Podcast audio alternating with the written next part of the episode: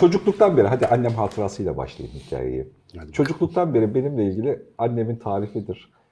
Ee, hani çok düzgün bir çocuktun, seninle ilgili hiç sıkıntı çekmedim çocuklukla alakalı. Fakat senin iki tane problemin vardı. Bir tanesi sabahları çok erken vakitte kalkıyordun, hepimizin sinirini bozuyordun diye. İkincisi de sen canım sıkılıyor dedin mi kitleniyordun. Kitleniyordun, bizi de kitliyordun yani şeyle alakalı ve belki annemin bunu çocukluktan beri tarif ediyor olmasından kaynaklı. Ben de kendimi bildiğim bileli yani kendimle alakalı en marazlı bulduğum bölümü budur. Yani kolay kolay sıkılmaz ama canım sıkılırsa tüm hayatım, modumu düşürürüm. Yakında kim varsa dokunabildiğim onların da modunu düşürürüm. Canım sıkılıyor hali. Bir türlü içinden çıkamadığım bir helezonik girdap doğuruyor zihnimde. Yani bir türlü oyalanamıyorsun, motive olamıyorsun falan. Şimdi bu en son kapanmayla beraber. Ha bu arada bu konu o kadar ilerledi ki ben de mesela şunları tahmin edebiliyorum. Abi benim bir saate yakın canım sıkılacak bak falan diye yani atama da yapabiliyorum şeyde. Ve bu en son kapanmayla beraber Migren geliyormuş gibi. geliyormuş Geliyor gibi hisse- hissediyorum yani şeyde. Ee, abi benim canım sıkılacak bu kapanmayla alakalı. Bu can sıkıntısı nedir? Bu kapanmada nasıl baş edeceğiz? Herkesteki karşılığı nasıldır? Azıcık üzerine dedikodusunu yapalım. Vallahi yapalım yani benim de canım sıkıldı hakikaten bu kap- kapanma olayıyla ilgili. Ee, ama senin o tarafını ben de öğrendim yani 3 senedir falan tanışıyoruz. Bazen sana böyle bir hık geliyor. Ben ona hık ismini veriyorum. Mustafa çalışmıyor. Out of order. Yani orada gene karşında fiziksel olarak oturuyor ama böyle bir şey var. Bir ulaşılmazlık hali oluyor. Onu biraz anlayabiliyorum. Bizim mesela aslında seninle çok yoğun bir gündemimiz var 2-3 senedir. Yani neredeyse boş kaldığımız her vakti fazla fazla dolduracak hikayemiz var. Ama ona rağmen arada oluyor işte. İnsana geliyor böyle bir şey. Şimdi can sıkıntısı benim hep anlatmaya çalıştığım bir şey. Terakkinin motoru. Yani insan canı sıkılmasa inovasyon yapmaz. Böyle bir durum var. Şimdi hep daha evvel de konuştuk ya bugünkü bebelerin derdine. Sürekli meşgale var. Hiç can sıkılmaya vakit yok. Can sıkılmaya vakit olmayınca ne yeni oyun bulabiliyor, ne hayatı keşfedebiliyor, ne de onların arasından enteresan fikir, icat falan bir şey çıkıyor. Yani bu oran gittikçe düşüyor. Ya can sıkıntısı iyi bir şey netice itibariyle.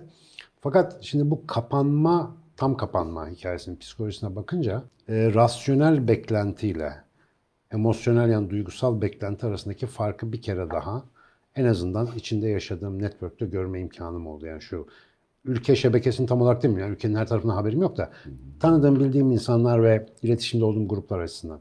Şimdi sende de ben onu görüyorum aynısını. Şimdi normal rasyonel beklenti ne demek? Mesela biz bir buçuk senedir virüs haberi dinliyoruz abi. Bayağı virolog gibi olduk. Yani sokaktaki adama sorsan işte Covid-19 virüsünün işte e, bir bilmem SARS türevi olduğu epitoplarını bilmem neyi anlatsın sana. Yani bayağı bir moleküler biyoloji biliyorlar. Ama bu bilgi bize şöyle bir şey getirmeliydi. Şimdi virüs dediğin malzeme bulaşır. İşi bu. Ve herkese bulaşmadan da onu durduracak herhangi bir şey yok. Aşı maşı böyle çok etkin bir şey yapmazsan. Virüsün doğasında bulaşmak var. Şimdi günlük vaka sayıları, ağır hasta sayısı her gün rapor ediliyor ama bizim mesela toplam popülasyon sayımız belli. Yani kaç kişi nasıl alanlarda yaşadığımız belli. Bu insanların yüzde kaçı hasta olmuş bu belli. Potansiyel olarak toplumun daha çok büyük bir kesiminin hasta olması gerekiyor. Bu da belli. Gerekiyor derken yani bu virüs bulaşacak oraya. Ama biz bu rasyonel beklentide bu noktaya sıçrayamıyoruz. Hep gözümüz şeyde. Bana gelmeden önce bir şey olacak. Bu virüs melek olup uçacak. Hiçbir şey kalmayacak geriye falan diye böyle bir beklenti oluşuyor. Şimdi bu duygusal bir beklenti. Rasyonel değil. Rasyonel beklenti nedir? Mesela bu kış aylarında televizyonlara falan çıktığımda bana sordular. Dedim ben virolog falan değilim ama hani biyolojiden bildiğim virüs eğer bu virüs onlardan biri ise bu arkadaş herkese bulaşacak. Dolayısıyla bu yaz bana kalırsa iki sene biz bu teyakkuzda devam edeceğiz. Yani yükselecek, alçalacak. Benim görebildiğim oydu. Çünkü konuyla ilgili çok böyle duygusal bir beklenti oluşturacak vaktim olmadı. Yani biraz da virüsü bildiğim için hani virüs denen şeyden farkında olduğum için. Şimdi çok insan virüsü biliyor ama bu kısmı görmeyi reddediyor. Ne oldu? Bende de biraz olmuş bak. Yani bu kendimi dışarıda tutarak söylemiyorum. Soğukta virüste daha çok bulaşır. Yazda gelecek. Böyle havalar açıcık. Biz de bir rahatlayacak falan diye böyle bir şey oluşmuş içimizde. Yani yazın çiçekler, kuşlar, gene turistler gelecek. Biz Antalya'da çimeceğiz falan. Bu tip bir kafa ve beklenti oluşuyor. Bu duygusal beklenti. Şimdi duygusal beklenti reel durumdan bağımsızdır ve genellikle karşılanmaz. Yani karşına çıkan şartlar onu karşılamaz. Dolayısıyla sen ciddi bir hayal kırıklığı yaşarsın. Şimdi hayal kırıklığı bizim aslında bütün üzüntülerimizin temelini oluşturuyor. E, çaresi çok basit aslında. Hayal kurma kırılmasın. Benim par parolam o. Yani geleceğe dair... Ama o da hayal- bizi Budizme götürüyor hocam. Hayır hayır yok Budizm değil. Beklentiyi düşür ki gelen her şey bonus olsun. Aslında sistem bu. Fakat bunu benim de yapabilmem çok zor. Yani bunu diyen insanın bile yapması çok zor. Çünkü zihnin böyle bir durumu var. Projekte ediyor bir şeyleri ve duygusal sistem her zaman 5-0 galip olduğu için akla göre o galip geliyor. Yani bir şekilde onun hayalleri hakim oluyor. Senin bütün düşünce, davranış, tedbir vesaire döngüne. E şimdi biz böyle bir duygusal beklenti içerisinde aslında herkesin aylardır bangır bangır bağırarak söylediği 10 sene önce Bill Gates'in tek konuşmasında anlattığı şeye gelince hayal kırıklığı yaşıyoruz ve bu bize büyük bir sıkıntı yaratıyor. Şimdi birincisi bu kapanmaya böyle giriyoruz. Hepimizin bildiği ama kimsenin zihin yüzeyine çıkarmaya cesaret edemediği acı ve çıplak gerçek lönk diye karşımıza çıktı. Bu muhtemelen bir süre daha bizim hayatımızı zorlaştırmaya devam edecek. Öncelikle sordun ya kapanma döneminde bu can sıkıntısıyla nasıl baş edeceğiz diye. Bir kere oturup mini birer meditasyon yapıp biz seninle şu anda bunu yapıyoruz. Mini bir sohbetini yapıp bu işin ya zaten abi böyle olacaktı. Biz niye coştuk ki? Kısmında bir yenilgiyi kabul etmek lazım. Bir bunu bir koyalım. Sonra Ve ödülü de galiba başka bir şeyde aramak gerekiyor. Heh, işte sonrası var. Sonrası ilk kapam geçen sene Mart ayında olduğu gibi. Böyle bir neşe ba- basmıştı ya bir sürü insan. Böyle canlı yayınlar işte yok efendim film listeleri man, ne o tantra mı mantra mı neydi o şey bir şey boyuyorlar. Boyuyorlar, evet, bir şeyler. Onları yapıyorum gergef işliyorum işte bak çikolata yaptım falan diye herkes ortaya bir şeyle çıkıyordu. Bu o zaman hiçbir beklentimizin olmadığı bir durumda yaşadığımız bir şoktu ve birçok insan bununla ilgili bir meşgale geliştirerek yırttı. Şimdi maalesef tanıdığımız bir olaya dair gerçekçi olmayan bir beklentiyle girdiğimiz gayet gerçek bir durum söz konusu. Burada şaşalamamız çok normal. Ben de şaşalıyorum. Ben bir öncekinden farklı olarak artık beklediğimiz bir şey olduğu için bazı hazırlıklar yaptım. Mesela biliyorsun rutin yazmaya çalışıyorum bir süredir. Yani yazma işini önemli bir omurga faaliyet olarak yerleştirmeye çalışıyorum ki bu dönemde işte evden mevden çıkamadığımız durumlar olursa ben azıcık kendimi meşgul tutayım. Yani onu ona enerjimi harcayayım diye. Şimdi birçok insan maalesef bugünlerde iyileşeceğiz diye eski normal hayatına dönme planları yapıyordu. Tedbirlerini ona göre arıyordu. Bir hazırlık yaptılar baya baya. Şimdi hazırlıkların hepsi gene geçersiz oldu. Fakat bunu lütfen daha önceki kapanma dönemini hatırlayalım. Lütfen hatırlayalım. Yani o zaman hiç böyle plan plan yapma imkanımız yoktu. Ve aslında sürprizli bir durumla karşılaşmıştık. Bir eksisi daha var bu dönemin. Çok darbe yedik. Güçten düştük ve tedbir yorgunu olduk. Kondisyon biraz düştü. Bitti. Evet, yani, evet. Yani ben mesela artık maske görünce yani bir tiksinti geliyor maskeden. Böyle fiziksel reaksiyon vermeye başladım. O yüzden mesela mümkün mertebe dışarı çıkmıyorum. Bu şimdi bir zihinsel yorgunluğa işaret ediyor. Şimdi burada tutup da herkese işte efendim çiçek olun, böcek olun, işte böyle fırsatları değerlendirin demek mantıklı değil. Fakat bir şey bilmek lazım. Herkes bunu yaşıyor. Yani bunun içinden çıkabilme imkanımız yok ve bu arada hayretle izliyorum. Bazı tanıdığım arkadaşlarım da internette işte Barcelona'da 5000 kişilik konser verilmiş de Covid bulaşmamış da mesela işte Abdullah Çiftçi paylaşmış dün. Ya da efendim sokağa çıkma yasaklarını tanımayın bilmem ne gibi. Gerçekten akılla bağdaşmayan bir şeyler yapıyorlar. Şimdi virüs yalan bile olsa anlatabiliyor muyum? Şu ortamda böyle bir şey yazmak çocuktan bile beklenmeyecek bir sorumsuzluk örneği. Çünkü infial virüsten daha kötü bir şey. Ve siz buna dair her görüş bildirdiğinizde insanların yaşam enerjisini kırıyorsunuz. Çünkü sistemin aldığı bir karar var, gittiği bir yön var ve siz güçsüz insanlara buna bir şekilde isyan etme, bilmem ne yapma gazı pompalıyorsunuz. O zeminini şuradan alıyormuş gibi görünüyor. Ee, şimdi aslında virüs tuhaf bir şekilde bir e, bunu ta e, geçen yıl Mart aylarında konuşmuştuk. E, tuhaf bir adalet duygusu oluşturmuştu. Evet. Herkesin başına geliyordu. Aynen. Ve herkesin başına geldiği için de hani ona kızmaktansa bunu yönetmek daha kolaylaşıyordu. Çünkü o adalet duygusunu önemsiyoruz hep birlikte. Şimdi geçilen süre içerisindeki e, işleyiş, mekanik o adalet duygusunu kırmış gibi görünüyor. Kesinlikle. Yani Tabii ki. ve o toplumun belli bir kesimi başka türlü davranıyor, belli bir kesimi başka türlü davranıyor. Bu adalet duygusunun kırılıyor olmasından mütevellit arka tarafta azıcık hırçın bir şekilde komplo teorilerine daha yatkın bir grup da oluşuyor. Tabii ki. Yani kendini adil bir şekilde herkesle aynı havuzun içerisinde hissetmiyor ve yani daha çok zarar gören bir taraf olarak hissettiği için biraz karşı koyuyormuş gibi görünüyor e, bir şey. Ya o kesin. Mesela işte biz böyle 2-3 kişi bir araya gelip de Instagram'da fotoğraf paylaştığımızda nerede maske mesafe diye yazılan günlerde e sen yüzlerce insanlarla toplantılar, kongreler falan filan yaparsan bu görünürse, görünmesinden ötesi lanse edilirse. Mesela bence Sayın Cumhurbaşkanı çok talihsiz bir beyanı oldu. Muhtemelen bir espri olarak söyledi ama kar yağıyor ve yüzlerce insan toplanmış. Ya karların bütün mikropları öldürdü. Ya bari bunu yapmasaydık keşke. Yani bu mikrobu kar öldürmüyor bir kere. Yani onu biliyoruz temel düzeyde. Fakat bu en azından oradaki kalabalığı coşturmak için söylenmiş olan şeyin toplum psikolojisindeki karşılığını bir düşünmek lazımdı.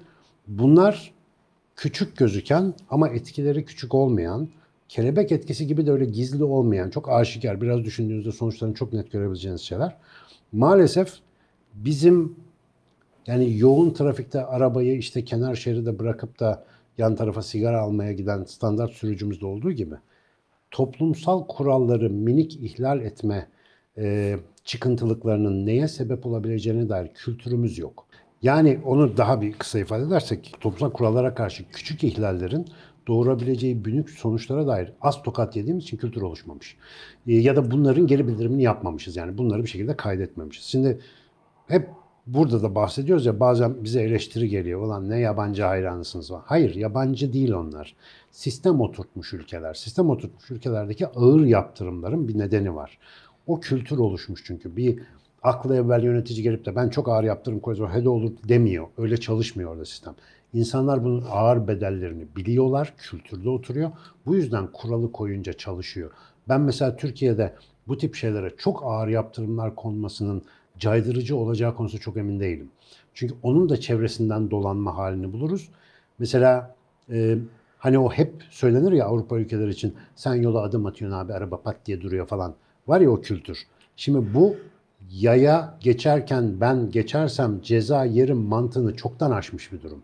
O bir reflekse dönüşmüş artık. Toplumsal bir nezaket unsuru. Ben- Maske de böyle çoğu ülkede. Ben bunu örgütlülükle ilgili olduğunu düşünüyorum. Şimdi eski tip örgütlülük, bu solcuların zamandaki bahsettiği örgütlülüğün nitelikli olarak çözüm üretmediğini anladık. Yani bu- o yetmiyor. Ben buna sıklıkla biz kavramına gönderme yaparak birçok sohbetin Evet. içerisinde aslında bu tarz bir örgütlülüğe yani iç temel içgörüye, iç motivasyonlara dayalı bir örgütlülüğü bütünsel olarak en azından belli temel konularda e, riayet etmek gerektiğini fark ediyorum. Eğer bu bütün olarak bir örgütlülüğü oluşturamıyorsak şimdi sohbetin yeri de buna dönecek ne yazık ki. Bireyle konuşmaya başlayacağız. Aynen. Hani tekil tekil adama diyeceğiz ki abi hepimizi e, yakın dönemin içerisinde endişe ve kaygı bekliyor. Ve bununla baş etmekte zorlanacağız çünkü kondisyonumuz da tükeniyor. Yani artık yakınlarımızda insanlar ölüyor, artık e, ekonomik olarak çok ciddi zarar gören insan sayısı var. E, toplum gizli gizli, içine dönük bir şekilde memleketine dönüyor, içine kapanıyor. Bunun toplumsal olarak bir yansıma süreci var ve hep bunu biliyoruz. Biz bunu 2 yılda, 3 yılda yaşar, 20 yılda bedelini öderiz. Aynen. Yani hani şimdiye kadar hep böyle Aynen. olmuş. Ve e, biz yani unutan bir milletiz diye hadi öyle söyleyelim şeyde. Bunu 20 yılın 10. yılındayken konuştuğumuz şeyde de bunu hatırlayamayız. Hani sorunun buradan geldiğini, böyle oluştuğunu da bilemeyiz yani hani aslında. Hep o biz çünkü o, o ayın sorununu yaşıyormuşuz gibi geliyor. Halbuki şimdi ekiyoruz o problemleri ve bunu böyle bakıyor olmamız lazım. Sonra Hepimiz- da bunlar niye benim başıma gel- geliyor diye soran insanın modeli. Bireysel olarak da toplumsal olarak da aynı şey aslında. Evet. Hata yaparken tatlı tatlı yiyorsun ama tatlı tatlı yemenin acı acı sonuçları oluyor. Yani Aynen. e, o, o sonuçları yaşarken geriye dönüp de pişmanlık hissetmek de faydasız. Yani efendim bu analizi yapıp aynı şeye devam etmek de faydasız. O hareketi yaparken farkında olmak lazım. Bilmem devletliler böyle yaptı, kurumlar böyle yaptı, Sağlık Bakanlığı hede yaptı. Bunu konuşmayı çok seviyoruz. Fakat bu bizim bireysel sorumluluğumuzu yerine getirmememiz için bahaneye dönüşüyor. Yani diyoruz ki biz bir kere insan bireysel olarak ajandır. Yani hayatta yapılan şeylerin faili insandır bir kere. Ben oraya buraya bugün böyle bir tonla şey duyuyorum. İşte ona bir şey yapıştır, buna bir şey yapıştır. Ortaya ne çıkıyor? Çocuk gibi mızmızlayan yüz binlerce insan. Yani bir şeylerden şikayet edip bir şey yapmayı düşünemeyen felçli bireylere dönüşüyorsun. Zihnen felçli. Ve bunlar sadece belli bir yerden duydukları şeyi tekrarlayan, bir yerlerden söylenenleri de asla duymamaya programlanmış. Otomatik güruhlara Mesela dönüşüyor. şunu fark etsek bile işimizi çok kolaylaştırıyor. Yani ağırlıklı Twitter Twitter bu gündemle dolu. Yani Maalesef. oradan edindiğin, sana mantıklı gelen bir gündemin seni nereye doğru yönlendirdiğini mesela içsel olarak sezdiğinde. Aynen. Yani buna bakmak işte reklamcılıktan kaynaklı devamlı içgörü matematiği de bu akışları takip etmeye çalışıyoruz. Yani şöyle oluyor. Çoğunlukla büyük o kampanyaların, dillerin sana çok mantıklı gelen bakış açıların büyük bir çoğunluğu hiçbir şey yapma abiye yönlendiriyor Aynen seni. öyle.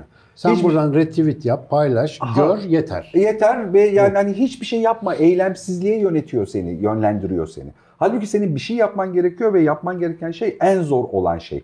Rutini herkesle beraber, lan hepimiz hatta tüm dünya olarak hepimiz aynı kayığın içindeyiz. E, ve bu herkese uygun şekilde bana düşen küçük birimi sırayla adım adıma ve yıllarca yapmam gerekiyor. En kondisyon gerektireni bu ya e, bir şeyde. Bunu yapmaya iten bir eylemin içinde olmamız lazım. İşte şimdi en baştaki sorunun bununla benim için direkt bir alakası var. Şimdi birçok insan isyan ediyor mesela kapatmalara. Neden? Dışarıdaki o yanlış umut verici ya da kafa karıştırıcı hadiselerle o kadar ilgili ki kendi dünyasında ne olup bittiğini izlemeye vakit ayırmamış. Şimdi ben çok şükür bunu iradesiyle değil mecbur kendisini senelerdir içine soktuğu döngü yüzünden mecburen yapamayan bir insan. Mesela haber izleyemiyorum, gündem takip edemiyorum. Böyle bir özellik. Benim kendi gündemim var. O benim bütün hayatımı doldurduğu için de mesela orada benim bu Covid-19 salgınıyla ilgili bilmem gereken bir şey var. Ve onu biliyorum. Nedir o? Abi bu bir virüs. Bu bitmez. Bu herkese bulaşacak. Elini yıka, mesafeyi koru, maskeni tak. Mecbursun. O arada işine bak. Çünkü bir tane gündemin var. Şimdi bu denklemden gündemi çıkar abi. Bir zamanlar ben öyleydim. gündemi çıkar. Maske, mesafe, hijyen. Hayatta başka bir şey kalmadı. Bir şeye sarmam lazım. Ne yapayım? Evde de oturuyorum. Bak boş vakit, sınırsız internet kork- korkunç bir kombinasyon. Hep söylerim. O boş adam ve sınırsız internet, o iletişim, bir sürü şey duyabilme ve her şeyi yapabilme potansiyeli insanın nadiren faydalı bir şey yapmasına sebep oluyor. Çünkü insan rahatsız bir varlık, endişeli bir varlık. Yani hep fabrikaların temelinde bu var. Bu rahatsızlığın giderilebileceği bir öz meşgalen yoksa, öz ajandan yoksa ortam şartları seni aynen dediğin gibi hiçbir şey yapma, bana bak, ben ne dersem oraya dön falan filan tarzı robotik bir yapıya dönüştürüyor. Şimdi 21. yüzyılın yönetilebilir kitlelerinin yönetilebilir halde tutulmasının en önemli e, köşe taşının kişisel değersizlik hissi olduğuna inanıyorum. Yani insan kendisini değersiz gördükçe, yani bir şey yapamaz, aciz, işte efendim kurban, bu modda gördükçe böyle isterse bir trilyon insan olsun hepsini yönetirsin. Ama bir insan derse ki bir dakika lan ben bu dünyaya geldim benim bir işim var. Bu çoluğuna çocuğuna ekmek götürmek de olabilir. Bilmem dünyayı aydınlatmak da olabilir. Bir icat yapmak da olabilir. Ne olursa olsun. Bir işim var diyen insanı yönetemezsin. O insan kendi ajandasında gider. Benim bir hevesim var, benim bir hayalim var, benim bir planım var diyen insanı güdemezsin. Ha eline plan tutuşturduğun insanı güdersin ama benim planım var, sen ne dersen de diyen insanı güdemezsin. Dolayısıyla sistem bugün yani bugün değil, yıllardan beri buna çalışıyordu zaten. İşte seninle sürekli yeni dünyanın cesur insanı sohbet yaparken hep bundan bahsediyoruz. Büyük sistemin karşısında hiç insan. Sen kendini böyle algıladıktan sonra sistem çalışır. Sen kendini değersiz görmelisin ki bu devasa çark işlesin. Ama ben değerliyim arkadaş. Benim bir fikrim var. Benim bir bu dünyada yerim var. Nefes e, alıp vermekten, yiyecek tüketmekten başka bir şey de yapabiliyorum ben dediğin anda sistem patlar. Kapanmaya girerken parmak izi hiç kimseye benzemeyen sevgili dostum. Yani sen bu dünyaya bir şeyi diğer hiçbir insanın yapamayacağı şekilde yapmak için geldin. Ya bir bunu hatırlasak, herhangi bir bilmiyorum ne olduğunu. Yani ben de kendiminkini de bilmiyorum, arıyorum şu anda. O bilinçle her gün sabah uyanabildiğin takdirde. Bu arada dünyadaki insanların milyarda biri belki böyle uyanacak. Çünkü bizi yaklaşık o kadar izliyor şu anda. Tabii yani bayağı milyonlarca bizi izliyor şu anda. Ee, bu bilince sahip olan insanların o sıkılmayı hayırlı bir şeye dönüştürmeleri mümkün. Sıkılmamaları mümkün değil. Herkes sıkılacak. Evet, evet, Ama sıkılmayı hayırlı bir şeye dönüştürmek. Bu ajansı olmayan insan sıkılmayı senin benim hayatımı darlandırmak için kullanacak. Kendi hayatını ve başkalarının hayatını zindan edecek. Dolayısıyla bu bir toplumsal ruh sağlığı sorunu. Yani sıkılmak iyi ama ne için? Ee, sıkılmak iyi, sıkılmayı bir şey üretmeye hatta patlayarak bir şeyi üretmeye yönlendirebildiği sürece. Yoksa geri kalanı endişe ve kaygı. Yani ben şu anda bu kapanma için endişeliyim. Mesela bir öncekinde değildim. Ama yani çok endişeli değilim ama biraz endişeliyim. Çünkü bu yorgunluk, bu bezginlik, bu e, yapamadık ki algısı yani yenilmişlik psikolojisi e, çok hayırlı gözükmüyor. Biz elimizden geldiğince bir katkı vermeye çalışıyoruz ama etrafımdaki yani yakın çevremdeki insanlarda da gördüğüm bezginlik biraz böyle yansıtma yapabilmemi sağlıyor. Ulan diyorum başkası ne yapıyordur yani benim etrafımdaki adam böyleyse. Biraz zor bir durumdayız. O yüzden birbirimize destek olacağız bir kere. Ben şu anda yıkıcı davranışlarda bulunan, isyan eden, ağlayan, bağıran, depresyona giren kesinlikle ayıplamam. Yani böyle bir durum yok. Hakkıdır. Yani insanlar çok yoruldular. Ama aklı başında olan, imkanı olan insanların da acık topluma cesaret verecek bir çizgi izlemeleri gerektiğini düşünüyorum. Biz elimizden geldiğince açık İyileştirici olan neydi? Hadi son hatırlatalım. Yine bireyle konuşacağız hani şey de değil. İyileştirici olan neydi? Bir şey üretiyor olmak iyileştiriyordu. Hani çok sabit yani Aynen öyle. zihinsel olarak, biyolojik olarak bizi. E, iyilik yapıyor olmak iyileştiriyordu e, bir şeyde. Biz olduğunu biraz fark etmek, herkesle aynı havuzda olduğumuzu, herkesin kendimizle bize benzer duygular, zihinsel hallerde olduğunu fark etmek bizi iyileştiriyordu. Belki bunlara odaklanıp Bir tane daha söyleyeyim. Lütfen. Kendisine doğru küçük de olsa adım atabildiğin bir hayalin olması iyileştirir. Yani ulaşamayacağın bir hayalle gündüz düşü görmek değil. İlerleyebildiğin, ona doğru gidebildiğin bir hayale sahip olmak da çok iyileştirici bir şey. Bu dördünü birleştiren adamın sırtı yere gelmez. Kadının da bu arada. İşte adam dedik seksist oluruz. Özellikle kadınlar. Hocam teşekkür ediyorum. Ben teşekkür ederim.